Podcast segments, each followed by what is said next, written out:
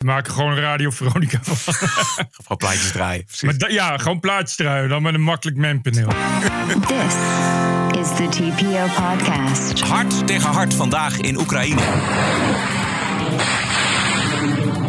Samson ziet geen heil meer in het oplossen van alle problemen. En premier Rutte hielp eigenhandig Nederlandse defensie om zeep. Ranting and Reason. Bert Bresson, Roderick Phalo. This is the award winning TPO podcast.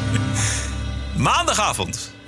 Hallo, gelukkig nieuwjaar iedereen. Ja, precies. Ja. Oh ja, eerste show van het nieuwe jaar. Mhm. En we hebben nog nooit zoveel inhoud gehad.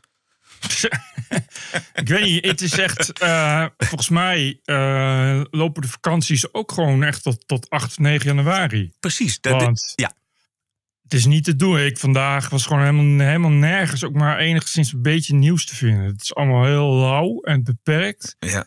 Er Ja. gebeurt gewoon niks. Nee, en ik kan me herinneren dat er v- vroeger was het toch zo, of tenminste in voorgaande jaren, dat je gewoon zo snel mogelijk in januari weer aan het werk ging. Het was eh, 2 Ja. of 3 januari en dan ging iedereen weer aan het werk. Maar nu is er in heel Nederland vakantie van 24 december tot en met 8 januari. Dus dat betekent Nou, dat pas volgende week alles eh, aan de slag Ja, gaat. en, en dat is in heel de wereld wel zo, kan ik je zeggen. Ja, Dus, want de, de we- internationaal nieuws is ook heel beperkt nu. ja. Het zal eh, denk ik wel iets bijtrekken de komende dagen. Maar de eerste, de, eerste dagen, wat je natuurlijk krijgt, dat veel mensen. oh, want het is nu maandag en 1 januari op zondag. Dus dan willen maandag mensen graag op maandag ook nog vrij. ja. Maar zou het zo zijn dat het World Economic Forum dit heeft afgesproken met de wereld? Dat we gewoon Dat allemaal... sowieso. Ja. Dat sowieso. Klaus Schwab persoonlijk heeft iedereen die over het nieuws gaat eh, gevaccineerd. Dus dan weet je het wel. Precies. Eh, maandagavond 2 januari. Im Westen niets Neues, maar aan het Oostfront gaat het toch wel hard tegen hard. Oekraïne claimt dat er op oudjaarsnacht zeker 400 Russische militairen zijn omgekomen bij een aanval in de regio Donetsk. En vanmorgen hebben Russische droneaanvallen op Kiev een deel van de stad platgelegd. Doel was belangrijke infrastructuur zoals elektriciteitscentrales. Overnight, Russia ringing in 2023 with terror. Air raid sirens blaring out in Kiev and across the country half an hour after the clock struck midnight. Kiev residents angry but defiant. Shouting glory to Ukraine, glory to heroes from their balconies as explosions rang out around their city. Ukraine saying they shot down 45 drones and missiles, 32 of them in the capital. One drone had the message Happy New Year written on it in Russian. Moscow claims the strikes targeted Ukrainian drone factories. A children's hospital and a hotel were among the sites destroyed in a wave of attacks earlier in the day. Ja, dit was de Amerikaanse nieuwszender ABC. Ja, die Russische aanvallen die zijn vooral gericht natuurlijk op burgers. Om burgers te doden of burgers angst aan te jagen... of burgers in de kou te zetten of burgers in het donker te zetten. Vooral burgers moeten geraakt worden. Het is gewoon terrorbombing. Wat ze in de Tweede Ja. Wereldoorlog ook deden. Alleen dan met raketten. Ik begin me toch een beetje te verbazen over hoeveel raketten die nog heeft. Ja, want het, gaat, het lijkt maar gewoon door te gaan. Ja, Terwijl jij toch had gezegd dat het inmiddels op was. nou nee. ja, nou ben ik de lul. Nee, niet dat het inmiddels op is, maar het gaat wel op. Hij kan geen nieuw meer bouwen. Dus je gaat op een gegeven moment verwachten dat het wel een keer op is. Maar eh, al een lange tijd gebruikt hij ook al oude troep. Ja. oude Sovjet-troep om, om dus de tekorten aan te vullen. Dus dan denk je dat zal er gewoon een keer op zijn. Ja, ik las het ook hoor. Ik bedoel, je hebt niet alleen eh, jij zei het, maar- Godzijdank. Godzijdank. Ja. Baudet en zijn partij vinden dit geweld nog steeds het meest hoopvolle wat er in het leven gebeurt. En daarom dat ik zo enthousiast ben over wat Rusland doet in Oekraïne. Dat is het meest hoopvolle dat ik in mijn leven heb meegemaakt. Ja.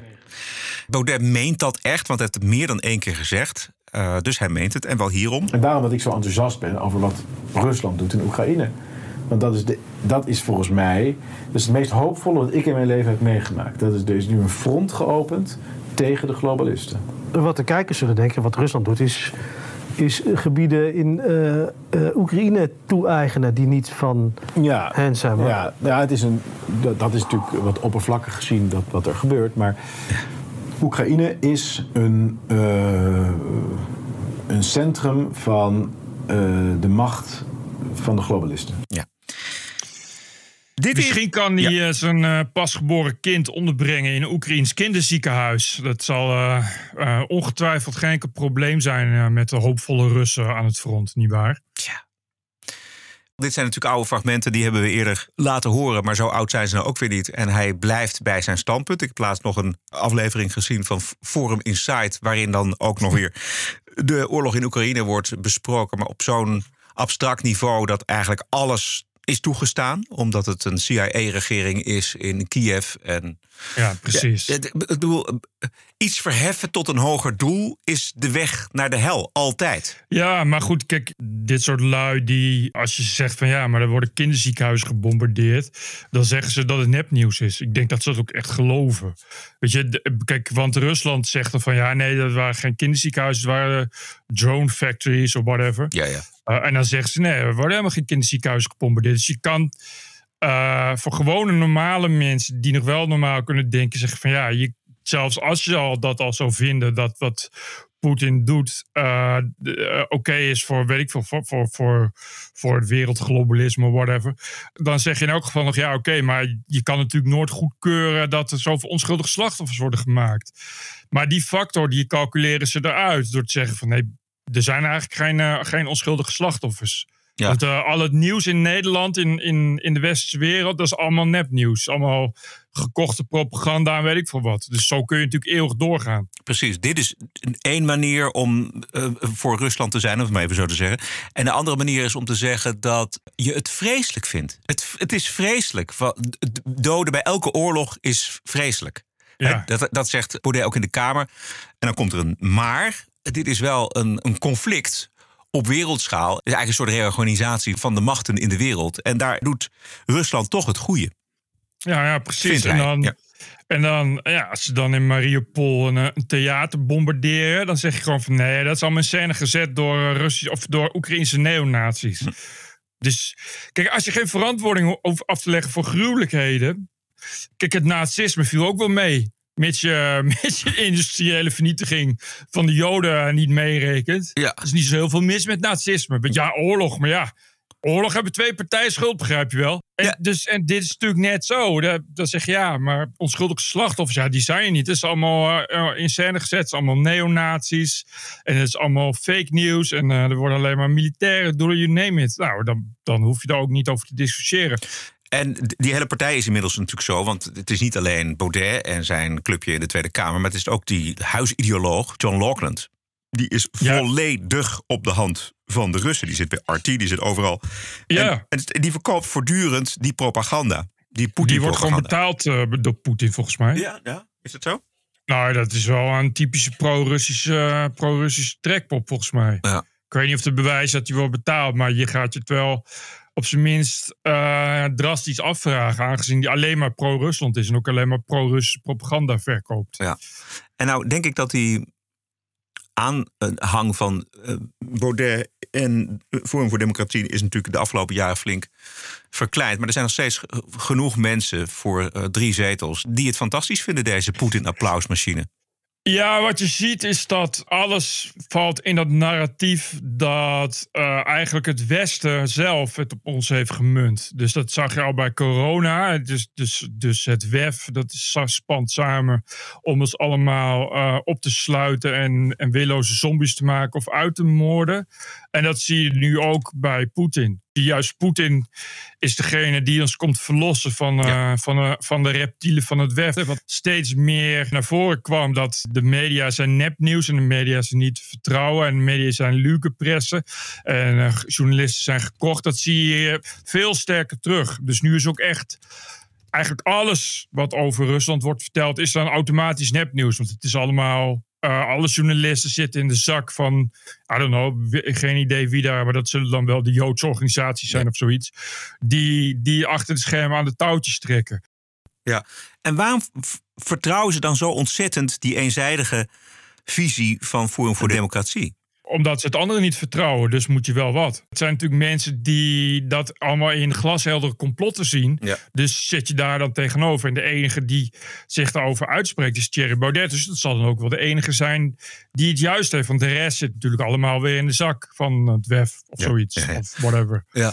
Nou ja, hij wint er verder geen doekjes om dat hij een complotdenker is, want daar komt hij gewoon vooruit. Precies. In dat gesprek eh, met eh, Forum Insight. Ik heb daar niks van opgenomen, maar daar zat wel Joost Niemuller zat daar eh, aan tafel. Die, ja, Joost. ja, maar goed, wat ik opvallend vond was dat zelfs hij zich verbaasde over het moment waarop Baudet zich tegen Amerika richtte. Ja. En dat is inderdaad een heel bijzonder eh, moment geweest, want eh, er was helemaal niks tegen Amerika in de begintijd van Forum. Maar blijkbaar heeft hij zich bedacht, en dat moet ook in die coronaperiode zijn geweest, dat hij zich eh, misschien wel samen met Poetin heeft bedacht eh, dat eh, Amerika de grote Satan is. Ja, maar dat is wel grappig bij Joost Niemuller. Want dat is eh, een. een ehm, die komt van een veel oudere school van het, van het radicaal rechtse denken, zoals hij dat doet. Dus die heeft dat hele gedeelte van Amerika staat al helemaal niet. Die meer het tegenovergestelde.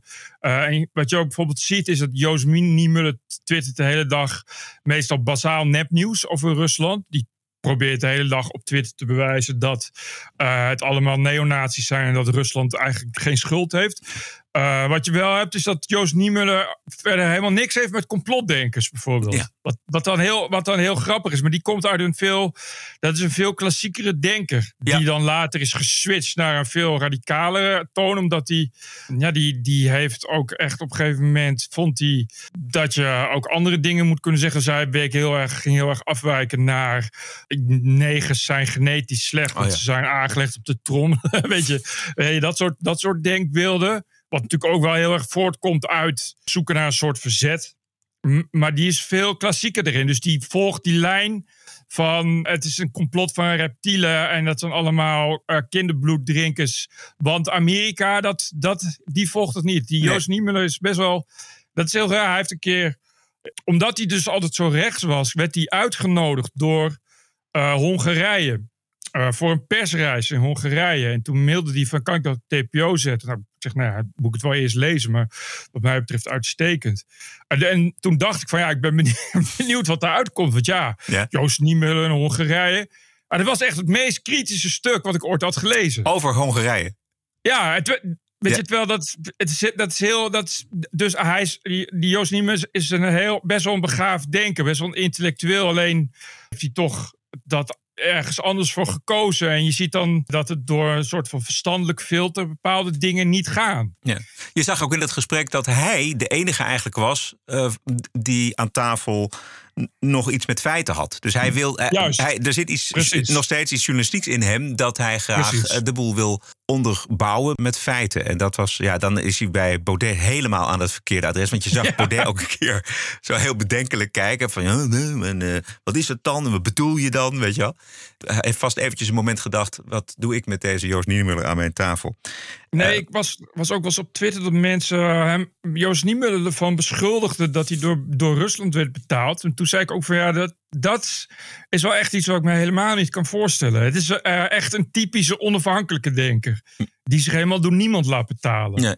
Nou Ja, dat zie je bij Baudet veel eerder gebeuren. Eén quoteje van Baudet in de Kamer over het, het belang van het geopolitieke conflict. Rutte heeft gezegd: dit is onze oorlog. Daarmee heeft hij gezegd. Namens de re- regering, namens het kabinet. Wij steunen, en dat doet de hele globalistische westerse wereld. Wij steunen het regime in Kiev, wat een CIA-regime is. Daartegenover staat een, een andere visie, een andere wereldvisie. En dat is een, de wereldvisie van Rusland, van een multipolaire u- wereld. heeft u nu en, uitgelegd, die, en, Ja. en die visie Ja. heeft veel meer mijn sympathie. Hoeveel kinderziekenhuizen het al kost. Precies. Het is niks mis met sympathie. Maar ja, als het kinderziekenhuizen kost en dus kinderen, lijkt me dat niet zo'n goede sympathie. Dat het de Amerikaanse visie slecht is, komt dus ook uit Amerika. Dat is het droevige. Die hebben do- door de eh, jaren van eh, enorme polarisatie, is er een, echt dat alt-right gedeelte dat ontstaan. Eh, dus inderdaad een, een klassieke terug, terugkeer naar de wat vroegere jaren. Waarin eh, inderdaad de CIA is, is eigenlijk dan de gevaarlijke nemesis die de wereld zijn wil op wil leggen. En dus inderdaad iedereen wil knechten. Terwijl we natuurlijk in het neoliberalisme heel lang gehad hebben. Amerika is juist groots en geweldig en komt de wereld verbeteren. Ja. En je ziet dat daar in het, in het eigenlijk recente nieuwe rechts. Dus, dus dat wat, wat voortkwam uit alt-right. Dus dat in het nieuwe Trumpiaans. Al is het natuurlijk Trumpiaans natuurlijk wel pro-Amerika. Maar dat is wel het nieuwe pro-Amerika. Dat is natuurlijk Make America Great Again. Dus het huidige Amerika hangt aan elkaar van Deep State en CIA en FBI die, die dus inderdaad de wereld proberen te vernietigen. Wat natuurlijk echt een echo is van wat, wat links in de jaren zeventig heel erg deed. Zeker, ik wou net zeggen, boel PSP, PPR, dat was allemaal dit. Juist. Dat was gewoon allemaal anti-CIA. Wat dat betreft is het heel raar, die, Ja. die overgang. Dit is echt de echt klassieke, klassieke anti-Vietnamoorlog-retoriek. Ja. hè? Het is dus inderdaad de CIA die in verschillende landen eh, operatives heeft... waardoor ze burgeroorlog in gang zetten en de macht omverwerpen. Dat vind je nu weer terug, maar dan dus op rechts. Wat dus inderdaad heel erg Trumpiaans is, dat wat het nu is, is, is het één grote swamp. Ja, het, het grote wantrouwen tegen de overheid. Want de overheid, elke overheid in het Westen is een onderdeel van het Wereld Economisch Forum. En daar is een alternatief voor en dat ben ik. En dat is Poetin, dat is Trump. Eh, dat, is, dat is minder overheid en dat is eh, ook minder democratie. Daar, ma- daar maalt een Baudet ook niet om. Nee, het is, het is grappig dat die elementen daar zo, weer- zo weer in Ja. terugkomen. Ik denk dat eh, Ch- Chomsky erg blij, Ja, erg blij is. Dit nu eindelijk eens een keer te horen van, van het vuige rechts en zo. Ongelooflijk, ja. Eventjes nog naar die droneaanval op Russische militairen. Dat is wel een, groot verhaal aan het worden. De autoriteiten van Donetsk die bevestigen de aanval... maar zij zeggen dat er maar 63 dodelijke slachtoffers zijn. En volgens een onafhankelijke nieuwssite Medusa... zou het gaan om 400 doden van eh, nog 300 gewonden ook. Dat moet toch een enorme klap zijn voor de Russen.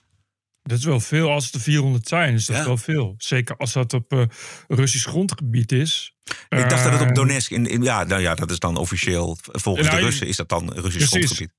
Precies, de Russen zien dat als grondgebied. Ehm, je gaat je, ik weet, eh, ik, heb, ik heb er niet veel informatie over, maar je gaat je wel afvragen hoe ze dan aan die drones komen.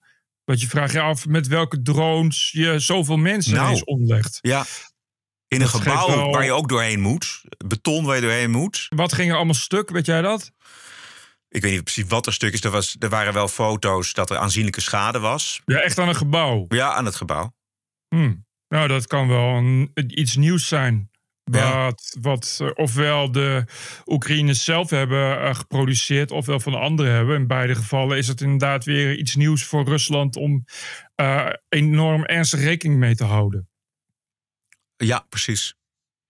Want het klinkt echt als een kruisraket of iets dergelijks. Dus ja. Ja. Er was zelfs een hoge bestuurder van Donetsk, Russisch getrouwen. En die roept Mhm. op om degene die besloten heeft alle militairen in één gebouw onder te brengen. ter verantwoording te roepen in de rechtbank.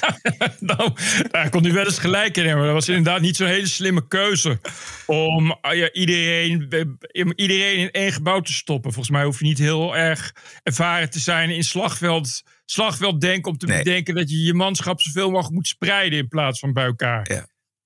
Hij is toch afschuwelijk, jongen. Dit, is, bedoel, dit, bedoel, het zijn militairen, maar dit zijn gewoon jonge jongens die eh, op, Ah, op een Mission Impossible zijn gestuurd. Dus dat is verschrikkelijk. Bert Brusen, Roderick Balo. Ranting and Reason.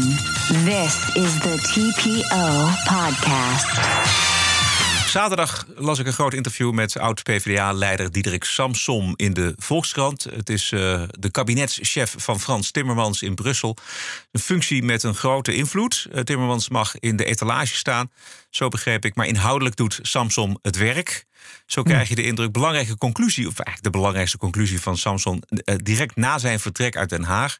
Dubbele punt. Mijn grootste fout in Den Haag was dat ik vond dat alles opgelost moest worden, terwijl 90% van de problemen zichzelf oplost. Huh? Ja, dus dat is eigenlijk, ja, je zou zeggen, een hele geruststelling voor iemand die eh, de klimaatramp in het vooruitzicht stelt. Dat lost zich dan blijkbaar ook vanzelf op. Maar Ja. hij, hij zegt dan, ja, 10%, je moet de goede 10% uitkiezen. Maar dan nog blijft het een, voor, zeker voor een, een- een man van de maakbaarheidsgedachte, sociaaldemocratie, blijft het een opvallende uitspraak. Ja, dat snap ik ook niet. Eh, wat is de aanleiding om nu ineens Diederik Samson te gaan interviewen? Ja, de kerst denk ik zoiets. Ik bedoel, dit, dit Oh, zijn van die, van die oh. grote interviews. En hij is natuurlijk, ja, er is van alles aan de hand natuurlijk op het gebied van het klimaat. Maar hij zegt iets, ik zal even de quote voorlezen. Hij zegt, ik houd mij vast aan iets wat Klaas van Egmond, de oude baas van het planbureau voor de leefomgeving, ooit zei. De mensheid heeft de hardnekkige neiging om keihard op een muur af te rezen. En net voor ze te pletter slaat, een list te verzinnen. Waardoor ze er overheen kan springen. En dan noemt hij twee voorbeelden. Eh, bijvoorbeeld eind 18e eeuw, toen er 1 miljard mensen op aarde eh, leefde, toen voorspelde er een eh, Britse demograaf dat de snelle bevolkingsgroei tot hongersnoden zou leiden. En vervolgens vond de mens kunstmest uit. Juist. En zo kunnen we uiteindelijk 12 miljard mensen voeden. En hij, dat was ook nog wel een aardig voorbeeld wat hij zei. Hetzelfde gebeurde met de voorspelling dat het aantal koetsen in Londen zo snel zou groeien dat de stad bedolven zou raken onder een twee meter Ja. hoge paardenpoep. Eh, alleen maar Die poep. ken ik. Ja. Oh, die ken je ook, ja. Toen kwam de metro. En toen kwam de meter en toen werd er de auto ook uitgevonden. Juist. Ja. Nou, dat is wel op zich. eh, eh, dat past dan wel weer in de maakbaarheidsgedachte. Toch in elk geval een soort optimisme van eh, de veerkracht die dan, die dan mens en maatschappij hebben. Ja. En er zit ook wel wat in, maar voor iemand die zijn hele leven activist is geweest voor Greenpeace en zich eh, eh, vooral heeft bezig gehouden met anti-kernenergie en pro-milieu en klimaat, is dat een beetje bouwde stelling. Ja. Want dan zou je dus zeggen, ja, dan kunnen we die klimaatramp ook wel afwenden. Ja, precies. Ja, ja dat lost zich. al- Waarom zou eh, dat zich niet oplossen als al die andere rampscenario's eh, zich wel uiteindelijk oplossen, toch? Eh, maar er zit nog iets aan. Want ik dacht van ja, weet je, we zitten nu met een kabinet, Rutte 4. Die helemaal niks voor elkaar krijgt, helemaal niks doet, weet je wel. Moet je dan ook maar zeggen van nou, ja, ach ja, laat maar komen dan al die eh, asielzoekers, laat maar komen al die immigranten. Laat maar, la- die huizen, dit huisprobleem, nou, we doen we rustig aan, dat lost zich vanzelf wel op. Weet je, wel. zo kun je Ja. alle problemen, alle crisis waar dit kabinet niet uitkomt, eh, kun je dan ook voor lief nemen en denken van nou, oké, het zal wel. Ja, maar dan kun je net zo goed niet in de politiek gaan zitten. Juist. Want alles lost zichzelf kennelijk op. Ja. Eh, en het lijkt mij dat ehm, die ontwikkelingen komen natuurlijk wel pas als ze worden gestimuleerd. Kijk, iemand vindt kunstmest uit, maar je vindt niet kunstmest uit. En ineens wereldwijd gaat iedereen kunstmest gebruiken. Het is dan wel handig dat iemand ook beleid uitstippelt. Hoe krijgen we iedereen zo snel mogelijk aan de kunstmest? Mhm. Ja, ik zie eh, eigenlijk veel heil in, eh, eh, in kernfusie in Ja. de toekomst. Daar hebben we toch ineens onlangs weer een mooie sprong gemaakt. Wat toch, begrijp ik, misschien wel 40, 50 jaar in ontwikkeling scheelt. Ja, eh, als je op een gegeven moment kernfusie hebt, is bijna wel het ei van Columbus. Heb je bijna unlimited energy en, en eigenlijk geen eh, nauwelijks, nauwelijks afval. En ook geen probleem met grondstoffen. Maar dan heb je wel dus een infrastructuur nodig die ervoor zorgt dat, dat iedereen zo snel mogelijk aan, aan de kernfusie-energie kan. Ja. En kernfusiecentrales. Het grappige is misschien wel dat de mensen die uit de politiek gaan zich dus veel minder druk maken. Je ziet het ook bij. Ik las ook weer een, een tweet van die oud D66-Kamerlid Kees Verhoeven, die dan twittert op dat interview. Ja.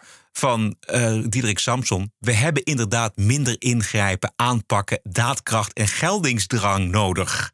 Komt hij nu mee? Komt hij nu Dat- mee? Ja, ik zou zeggen, eh, hef D66 op. Dus je doe je best. Ja. Of ga, ga weer terug de politiek in om, eh, om de politiek op te heffen. Het is inderdaad van, dit, van dat gratuite. Na, na de zonde gaan we nog eens even lekker. eh, ja, wat, wat, wat moet je daar verder mee? Ja. En over geldingsdrang gesproken. Hij, hij heeft zijn Twitternaam is keesv.mastodon.social. Oh, Op Twitter. ja, er zitten een aantal, aan, een heel groepje extreme deugers. Wat toevallig allemaal dezelfde mensen die ook heel lyrisch waren over de oudejaarsconferenties van Claudia de Brij. Oh ja, ja, ja. Die NRC, echt- mijn god. Ja, NSC, Volkskrant, maar op Twitter mensen die zeiden dat ze echt... eh, dit was wat dit land nodig heeft, tot tranen toegeroerd. Prachtig dat einde. Het is echt, eh, wat ik echt las, echt je ballen stuiten gewoon uit je broek. Je denkt, het zullen wel satire-accounts zijn. Maar er waren gewoon allemaal echte accounts. Maar het zijn ook allemaal mensen die hun Mastodon eh, eh, in hun Twitter-profiel hebben staan. Oh, dat vind ik zo treurig. Maar goed, jij, jij, jij kon niet zien of ze gelijk hadden, want jij hebt dat natuurlijk niet gezien, Claudia de Ik pijnste niet over. Ik zag wel dat het de mi- minst bekeken oudejaarsconferentie in tijden was. Dat alleen eh Mark-Marie Huibrechts nog minder kijkers trok. Dus dat lijkt me vrij pijnlijk voor Claudia de Brij. Al was het alsnog 1,2 miljoen kijkers. Maar het lijkt erop dat mensen nou niet echt zin hebben om op oudejaarsavond naar Claudia de Brij te kijken. Die kijken natuurlijk uitgesteld. Of gewoon helemaal niet, ja, aangezien de, de tijd van de grote kijkcijfers op oudejaarsavond natuurlijk al lang voorbij is. Ja. Maar je kan daar wel heel lyrisch over doen. Maar ja, toch weinig kijkcijfers zegt natuurlijk ook wel iets. Ja. Nou ja, ik heb, ik heb het wel eventjes gekeken. Probeerde, ik kwam er langs. En toevallig was de tijd zo dat, het, eh, dat ik dacht van nou, dan ga, kijk, ik toch eventjes of ik überhaupt kan lachen. Dus eh, dat lukte niet. Ik, dus ik, heb, ik was wel in, in- echt in, in, een- in een goede stemming om haar te accepteren, zeg maar, als oudejaarsconferentie.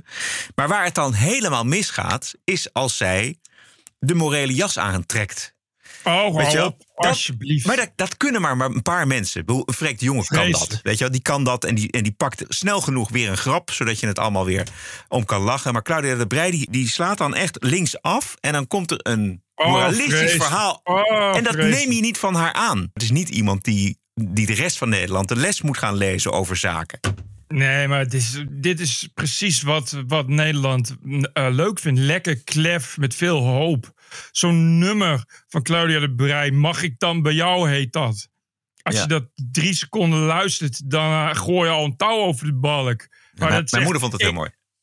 Ja, maar goed, je moeder was 103 of zoiets. Ja, Eh, 80. ik- maar, maar, maar, dus, ja, oké, maar er zijn dus ook mensen van, van 30, 40 die dat allemaal massaal fantastisch vinden. En ja, weet je, die enorm pathetische klefheid. Ik, ik begrijp dat gewoon niet, dat mensen iets mee hebben. Maar wat je gewoon heel erg ziet, is dat mensen continu een enorm dwingende behoefte hebben aan positiviteit en hoop. Terwijl ik altijd denk van, je hebt volgens mij gewoon een behoefte aan rea- realiteit. Ik zie het probleem niet zo of het nou positief is of negatief. Maar het is echt continu de enorme zuigkracht dat mensen hoop willen. Rob Goossens, die, die had bij Boulevard, dat is een RTL, RTL 4 Boulevard-presentator, die had ook een, een recensie gegeven in RTL Boulevard. Daar kijken natuurlijk nog een hoop mensen naar. En dat was een negatieve recensie over Claudia de Brij.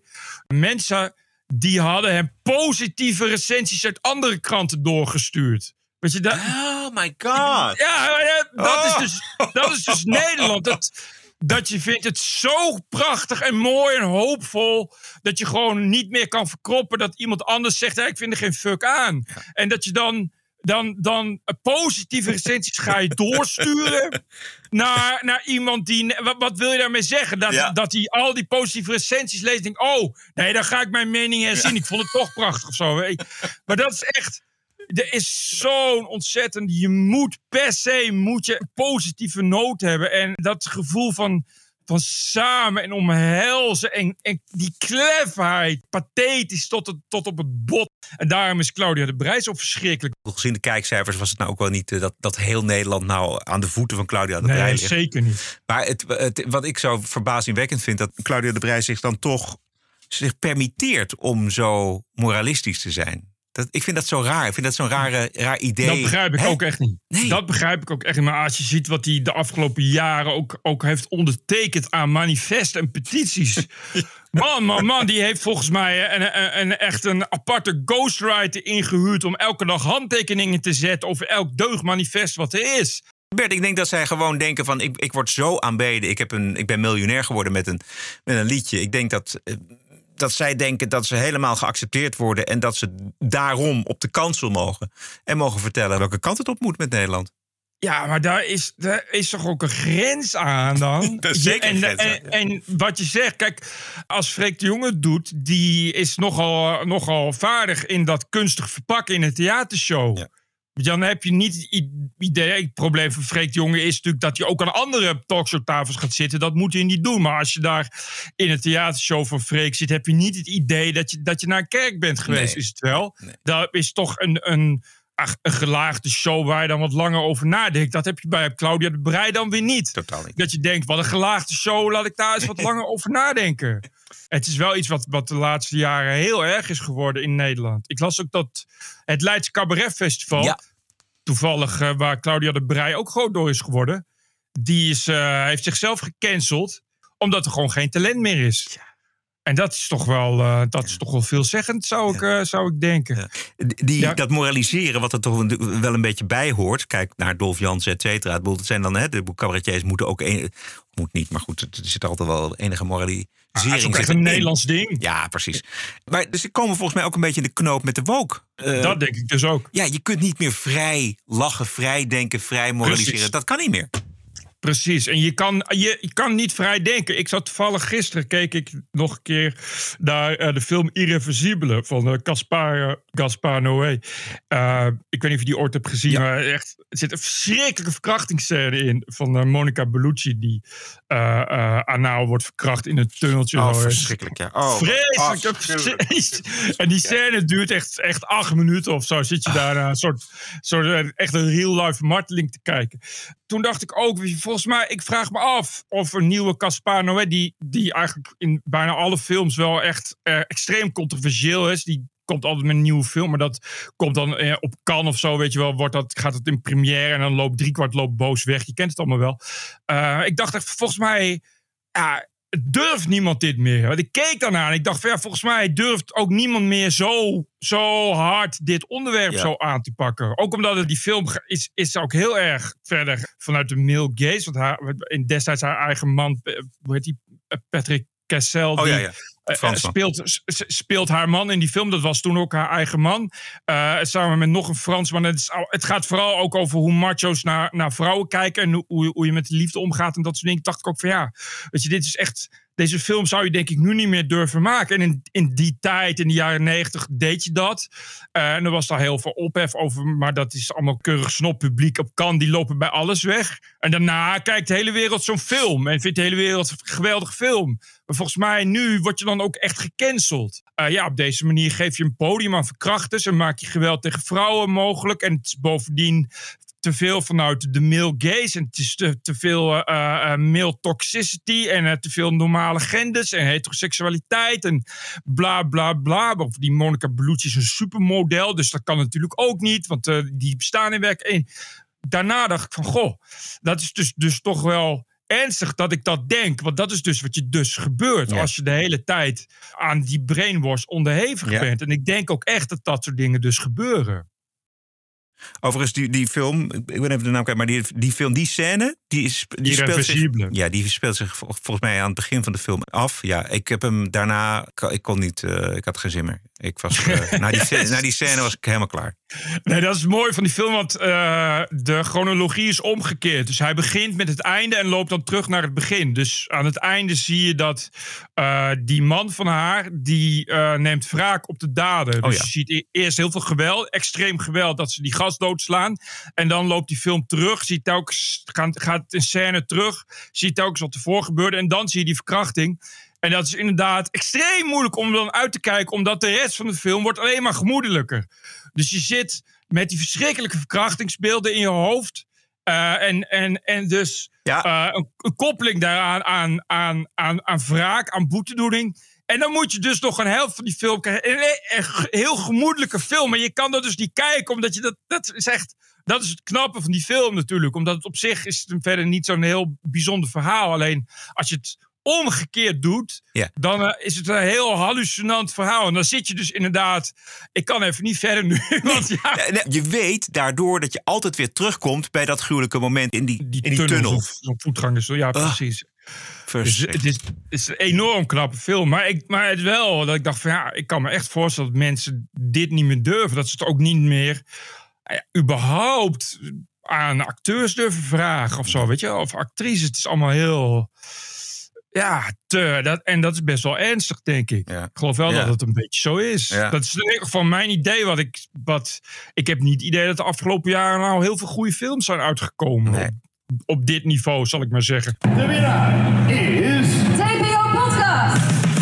zes jaar onafgebroken. Twee keer per week een eigenzinnige kijk op het nieuws en de nieuwsmedia. Elke dinsdag gratis en elke vrijdag voor abonnees.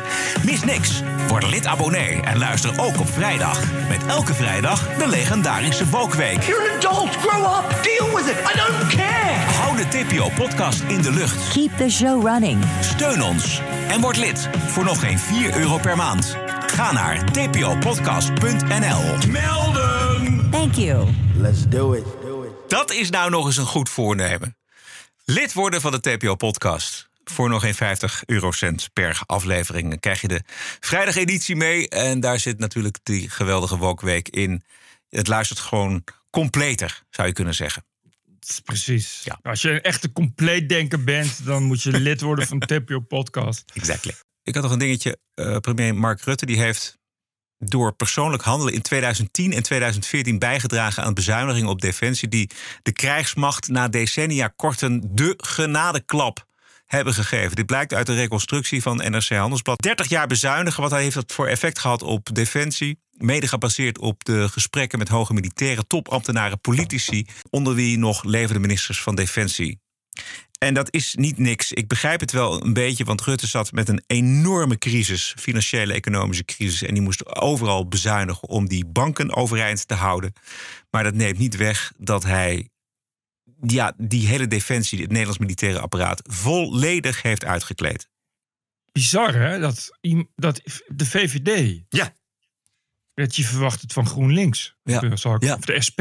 Ja. Toch niet de VVD. Dat is toch, toch raar. Echt ook, ik zag inderdaad dat Rutte persoonlijk Defensie de genadeklap heeft Ja. gegeven. Ja, en hij Dat noemt is echt, huh? Ja, eh, en wat ik eh, knap vind ook weer aan NRC is dat zij eh, met de direct betrokkenen praten. Bijvoorbeeld met de voormalige defensieminister Hans Hille van het CDA. Ehm, Oh ja. En hij wilde het plan om te bezuinigen uit het regeerakkoord iets afzwakken. Het ging om een miljard, was echt eh, enorm. Hille heeft dat toen geschreven in een brief aan de Tweede Kamer. Met het verzoek om, dat, om die bezuinigingen af te zwakken. En toen kreeg Hille naar eigen zeggen een woedend telefoontje van Rutte. En hij zei: Stuur die brief maar naar de koning. Riep Rutte. Ik accepteer dit niet, herinnert Hille zich. Ja, en na tussenkomst van eh, ambtenaren en een eh, moeizaam toontjesoverleg sloten Hille en Rutte alsnog een soort van gewapende vrede. Hille zegt: Ja, ik stond onder verscherpt toezicht. Dit was echt persoonlijk Rutte die hiervoor gezorgd heeft. Maar is iemand, is er, was er ook een analyse of uit gesprekken blijkt waarom Nou, de, de- Rutte zo gebrand daarop was? Ja, omdat de ING moest gered worden, ABN AMRO moest gered worden. Ja, dat kostte zo ongelooflijk veel geld. Dat is, daar zijn echt miljarden naartoe gegaan. En dat heeft Rutte als een prioriteit gezien. En dus moesten er op alle andere vlakken moest er bezuinigd worden. Dat is de verklaring. Ja, maar ja, je kan overal bezuinigen. Maar ja, en het is natuurlijk ook zo dat wij natuurlijk. Wij zijn natuurlijk nu wakker geworden en we hebben gedacht van ja, dit is heel erg onverstandig. Hoewel je kunt ook zeggen, ja, die Amerikanen die blijven wel bij de les. Weet je wel, die blijven wel alert. De NRC komt ook met getallen. Weet je, in 1990 had Nederland nog 211 F-16's. En in 2016 na de bezuinigingen nog maar 61. Uh-huh. Eh, 931 tanks, gevechttanks, die gingen naar nul. Maar je zeggen nu nul. Nul. En er waren in 1990 nog 100 of 100.000 militairen in actieve dienst. En dat waren er in 2016 nog maar 40.000. Nou ja, totaal uitgekleed. Maar dus door Rutte persoonlijk. Ze hebben Rutte natuurlijk ook gevraagd of hij hierop wil reageren. Nou, heeft hij niet, eh, wilde hij niet doen. Ja, je, ik zou willen zeggen, we zullen het zien in de verkiezingsresultaten. Maar helaas maakt het allemaal niet zoveel uit. Wat er allemaal nog uit de hoge hoed van de journalisten wordt getoverd. Dus ik bedoel, die Rutte, Rutte is toch eh, krasbestendig, volgens mij. Ja, en, en als je het hem laat uitleggen, dan komt hij inderdaad met, met dat verhaal. En er waren andere zaken die gered moesten worden. Banken, het financiële systeem. Een vuurwerkverbod eh, in een aantal steden. Waar niemand zich iets van aantrok. En wat ook niet werd gehandhaafd. Veel Nee. Nederlands kan het niet worden, denk ik. En ik- Maar hoe, hoe ga je dat handhaven? Ja, maar dat is, dus dacht ik ook, dacht van ja, je, ik snap dat je dat als politie niet wil handhaven, want dat wil je niet, omdat je geen zin hebt om als agent voor iemand die een paar Romeinse kaarsen afsteekt, eh, vuurwerk in je ogen te krijgen. En je hebt nou helemaal ook niet voldoende personeel. Nee, dat vooral dat laatste heel- natuurlijk, ja. Heel mild uit te drukken. Dus ga je dat, ga je dat niet doen. Dus wat je nu dus krijgt, eh, is dat het in sommige gevallen niet meer mogelijk is om een wet in werking te stellen, omdat die wet per definitie dood is. Ja, Ja, maar we- en ja. Er, zit, er zit iets raars in die discussie, want ik heb het al ook, ook gelezen. Kijk, je kan niet het, het overal eh, voetballen gaan verkopen in sportwinkels en dan eh, eh, van de een op de andere dag de, de, de voetbal gaan verbieden. Dat kan dus niet. Dan, Ook- je moet dan vuurwerk gaan verbieden te verkopen. Juist. Want ja, je kan. Maar ja, dan nog krijg je natuurlijk. Maar ja, dat, is, dat zal. Ik denk dat, dat 95% van de vuurwerkkopers zijn gewoon keurige huisvaders. Ja. Die gaan niet bij een of andere eh, gevaarlijke internethandelaar eh, mortiergranaten kopen. Dus ik denk dat als je vuurwerk de verkoop verbiedt. Dat je het dan ook wel redelijk afgelopen is. Nou ja, geval binnen een paar jaar. Ja. Ander punt was, ik, ik was in Maastricht en daar ging op een gegeven moment om een uur of nou, het zal zijn, negen uur ging gewoon de wind liggen. Dus er was, op een gegeven moment was er, was er niet meer die gevaarlijke wind. De reden om de boel af te lasten of te verbieden. Dus eh, toen hebben denk ik een hoop mensen... ik weet niet of dat voor de rest van eh, Nederland ook gold... maar als toen die wind is, ging liggen... toen dachten mensen waarschijnlijk van... nou, oké, dan ga ik het toch maar afsteken. Eh, oh, zo. Ja, Ja. Het was eigenlijk, was, zouden ze niet gaan afsteken. Nee, Vanwege ja, de harde wind. Dat was de reden. Uh, het is echt elk jaar in Berlijn is het echt eh brandweermensen die uit hun wagen worden getrokken en, en een pistool op hun hoofd krijgen. En inderdaad gewonde agenten, echt belegeringen en, en oorlog. Dat is, eh, in Duitsland is het echt een ramp aan het worden. Ja, en dat is wel nieuw. Want ik heb twee oude nieuws in Berlijn meegemaakt. Volgens mij was de laatste tien jaar geleden. Toen was dat nog niet zo. Ehm, maar wat ik wel opvallend vond, was dat er op een gegeven moment iemand naast mij stond met een getrokken pistool, inderdaad. Juist dat. Is dat niet te geloven? Ja, dat schijnt ook legaal te zijn op die avond of zo. Ik weet niet. ik- Nee, je? Hebt vuurwerk, je hebt vuurwerkpistolen Ja. in, in, in Duitsland. Die lijken op een echt pistool, maar die schieten alleen vuurwerk af. En die mogen in Nederland om obvious reasons niet verkocht worden. In een hoop andere landen wel. Hier in Spanje, ik heb ook zo, je hebt, ik heb ook zo'n zo'n- heb je van die plastic balletjes pistolen, zo'n zo'n airsoft ding. En die koop je voor 50 euro. Ja, die dingen zien er echt eh, niet te onderscheiden echt uit. Dus je begrijpt het gevaar daarvan. Je koopt voor 50 euro, kun je een winkel overvallen, zal ik maar zeggen. In Nederland is het altijd heel streng, maar eh, in bijna alle andere landen hebben ze daar veel minder. En dan heb je dus inderdaad met oud en nieuw heb je vuurwerkpistolen. En daar kun je inderdaad vuurwerk afdoen. En dan- dus kun je eh, zeg, echt je rotje kun je afschieten, zal ik maar Ja, zeggen. ja, precies. Ik ging wel eventjes een stukje verderop lopen. Maar ja, we hebben natuurlijk ook de nacht van Keulen gehad met oud en Oh nieuw. ja, met, met de aanrandende allochtonen. Dus je merkt wel dat het echt oud en nieuw wordt wel elk jaar grimmiger. Ja. Nou is Berlijn natuurlijk groot. Dus ik neem aan dat het eh, alleen in sommige wijken zo is. Ja. Goed. Elke dinsdag en elke vrijdag online via je favoriete kanalen. Ook in het nieuwe jaar 2023. Vergeet je abonnement niet voor de vrijdagshow. En voor het hele jaar gewoon sluit gewoon een jaarabonnement af. Heerlijk. Twee keer per week de TPO podcast in de brievenbus. Ga naar tpopodcast.nl. Stay cool. En tot vrijdag! Yeah! Podcast. Bert Bruson, Roderick Balo, Ranting and Reason. See, everyone in radio has to picture, imagine. You have to picture, imagine, like the theater that you are talking to. Like I, right now, I'm alone in a room with my dog, as usual. There's nobody here. There's not a human being in the entire house. It's out of a, it's out of one of my home studios on a hill somewhere, looking down at San Francisco Bay. And all I have is my loyal 12 pound dog with me. But I imagine what you look like. Podcasting is the TPO podcast in the Netherlands. Bert and Roderick. What a show. I'm telling you. Keep the show running. Go to tpo.nl slash podcast. Thank you.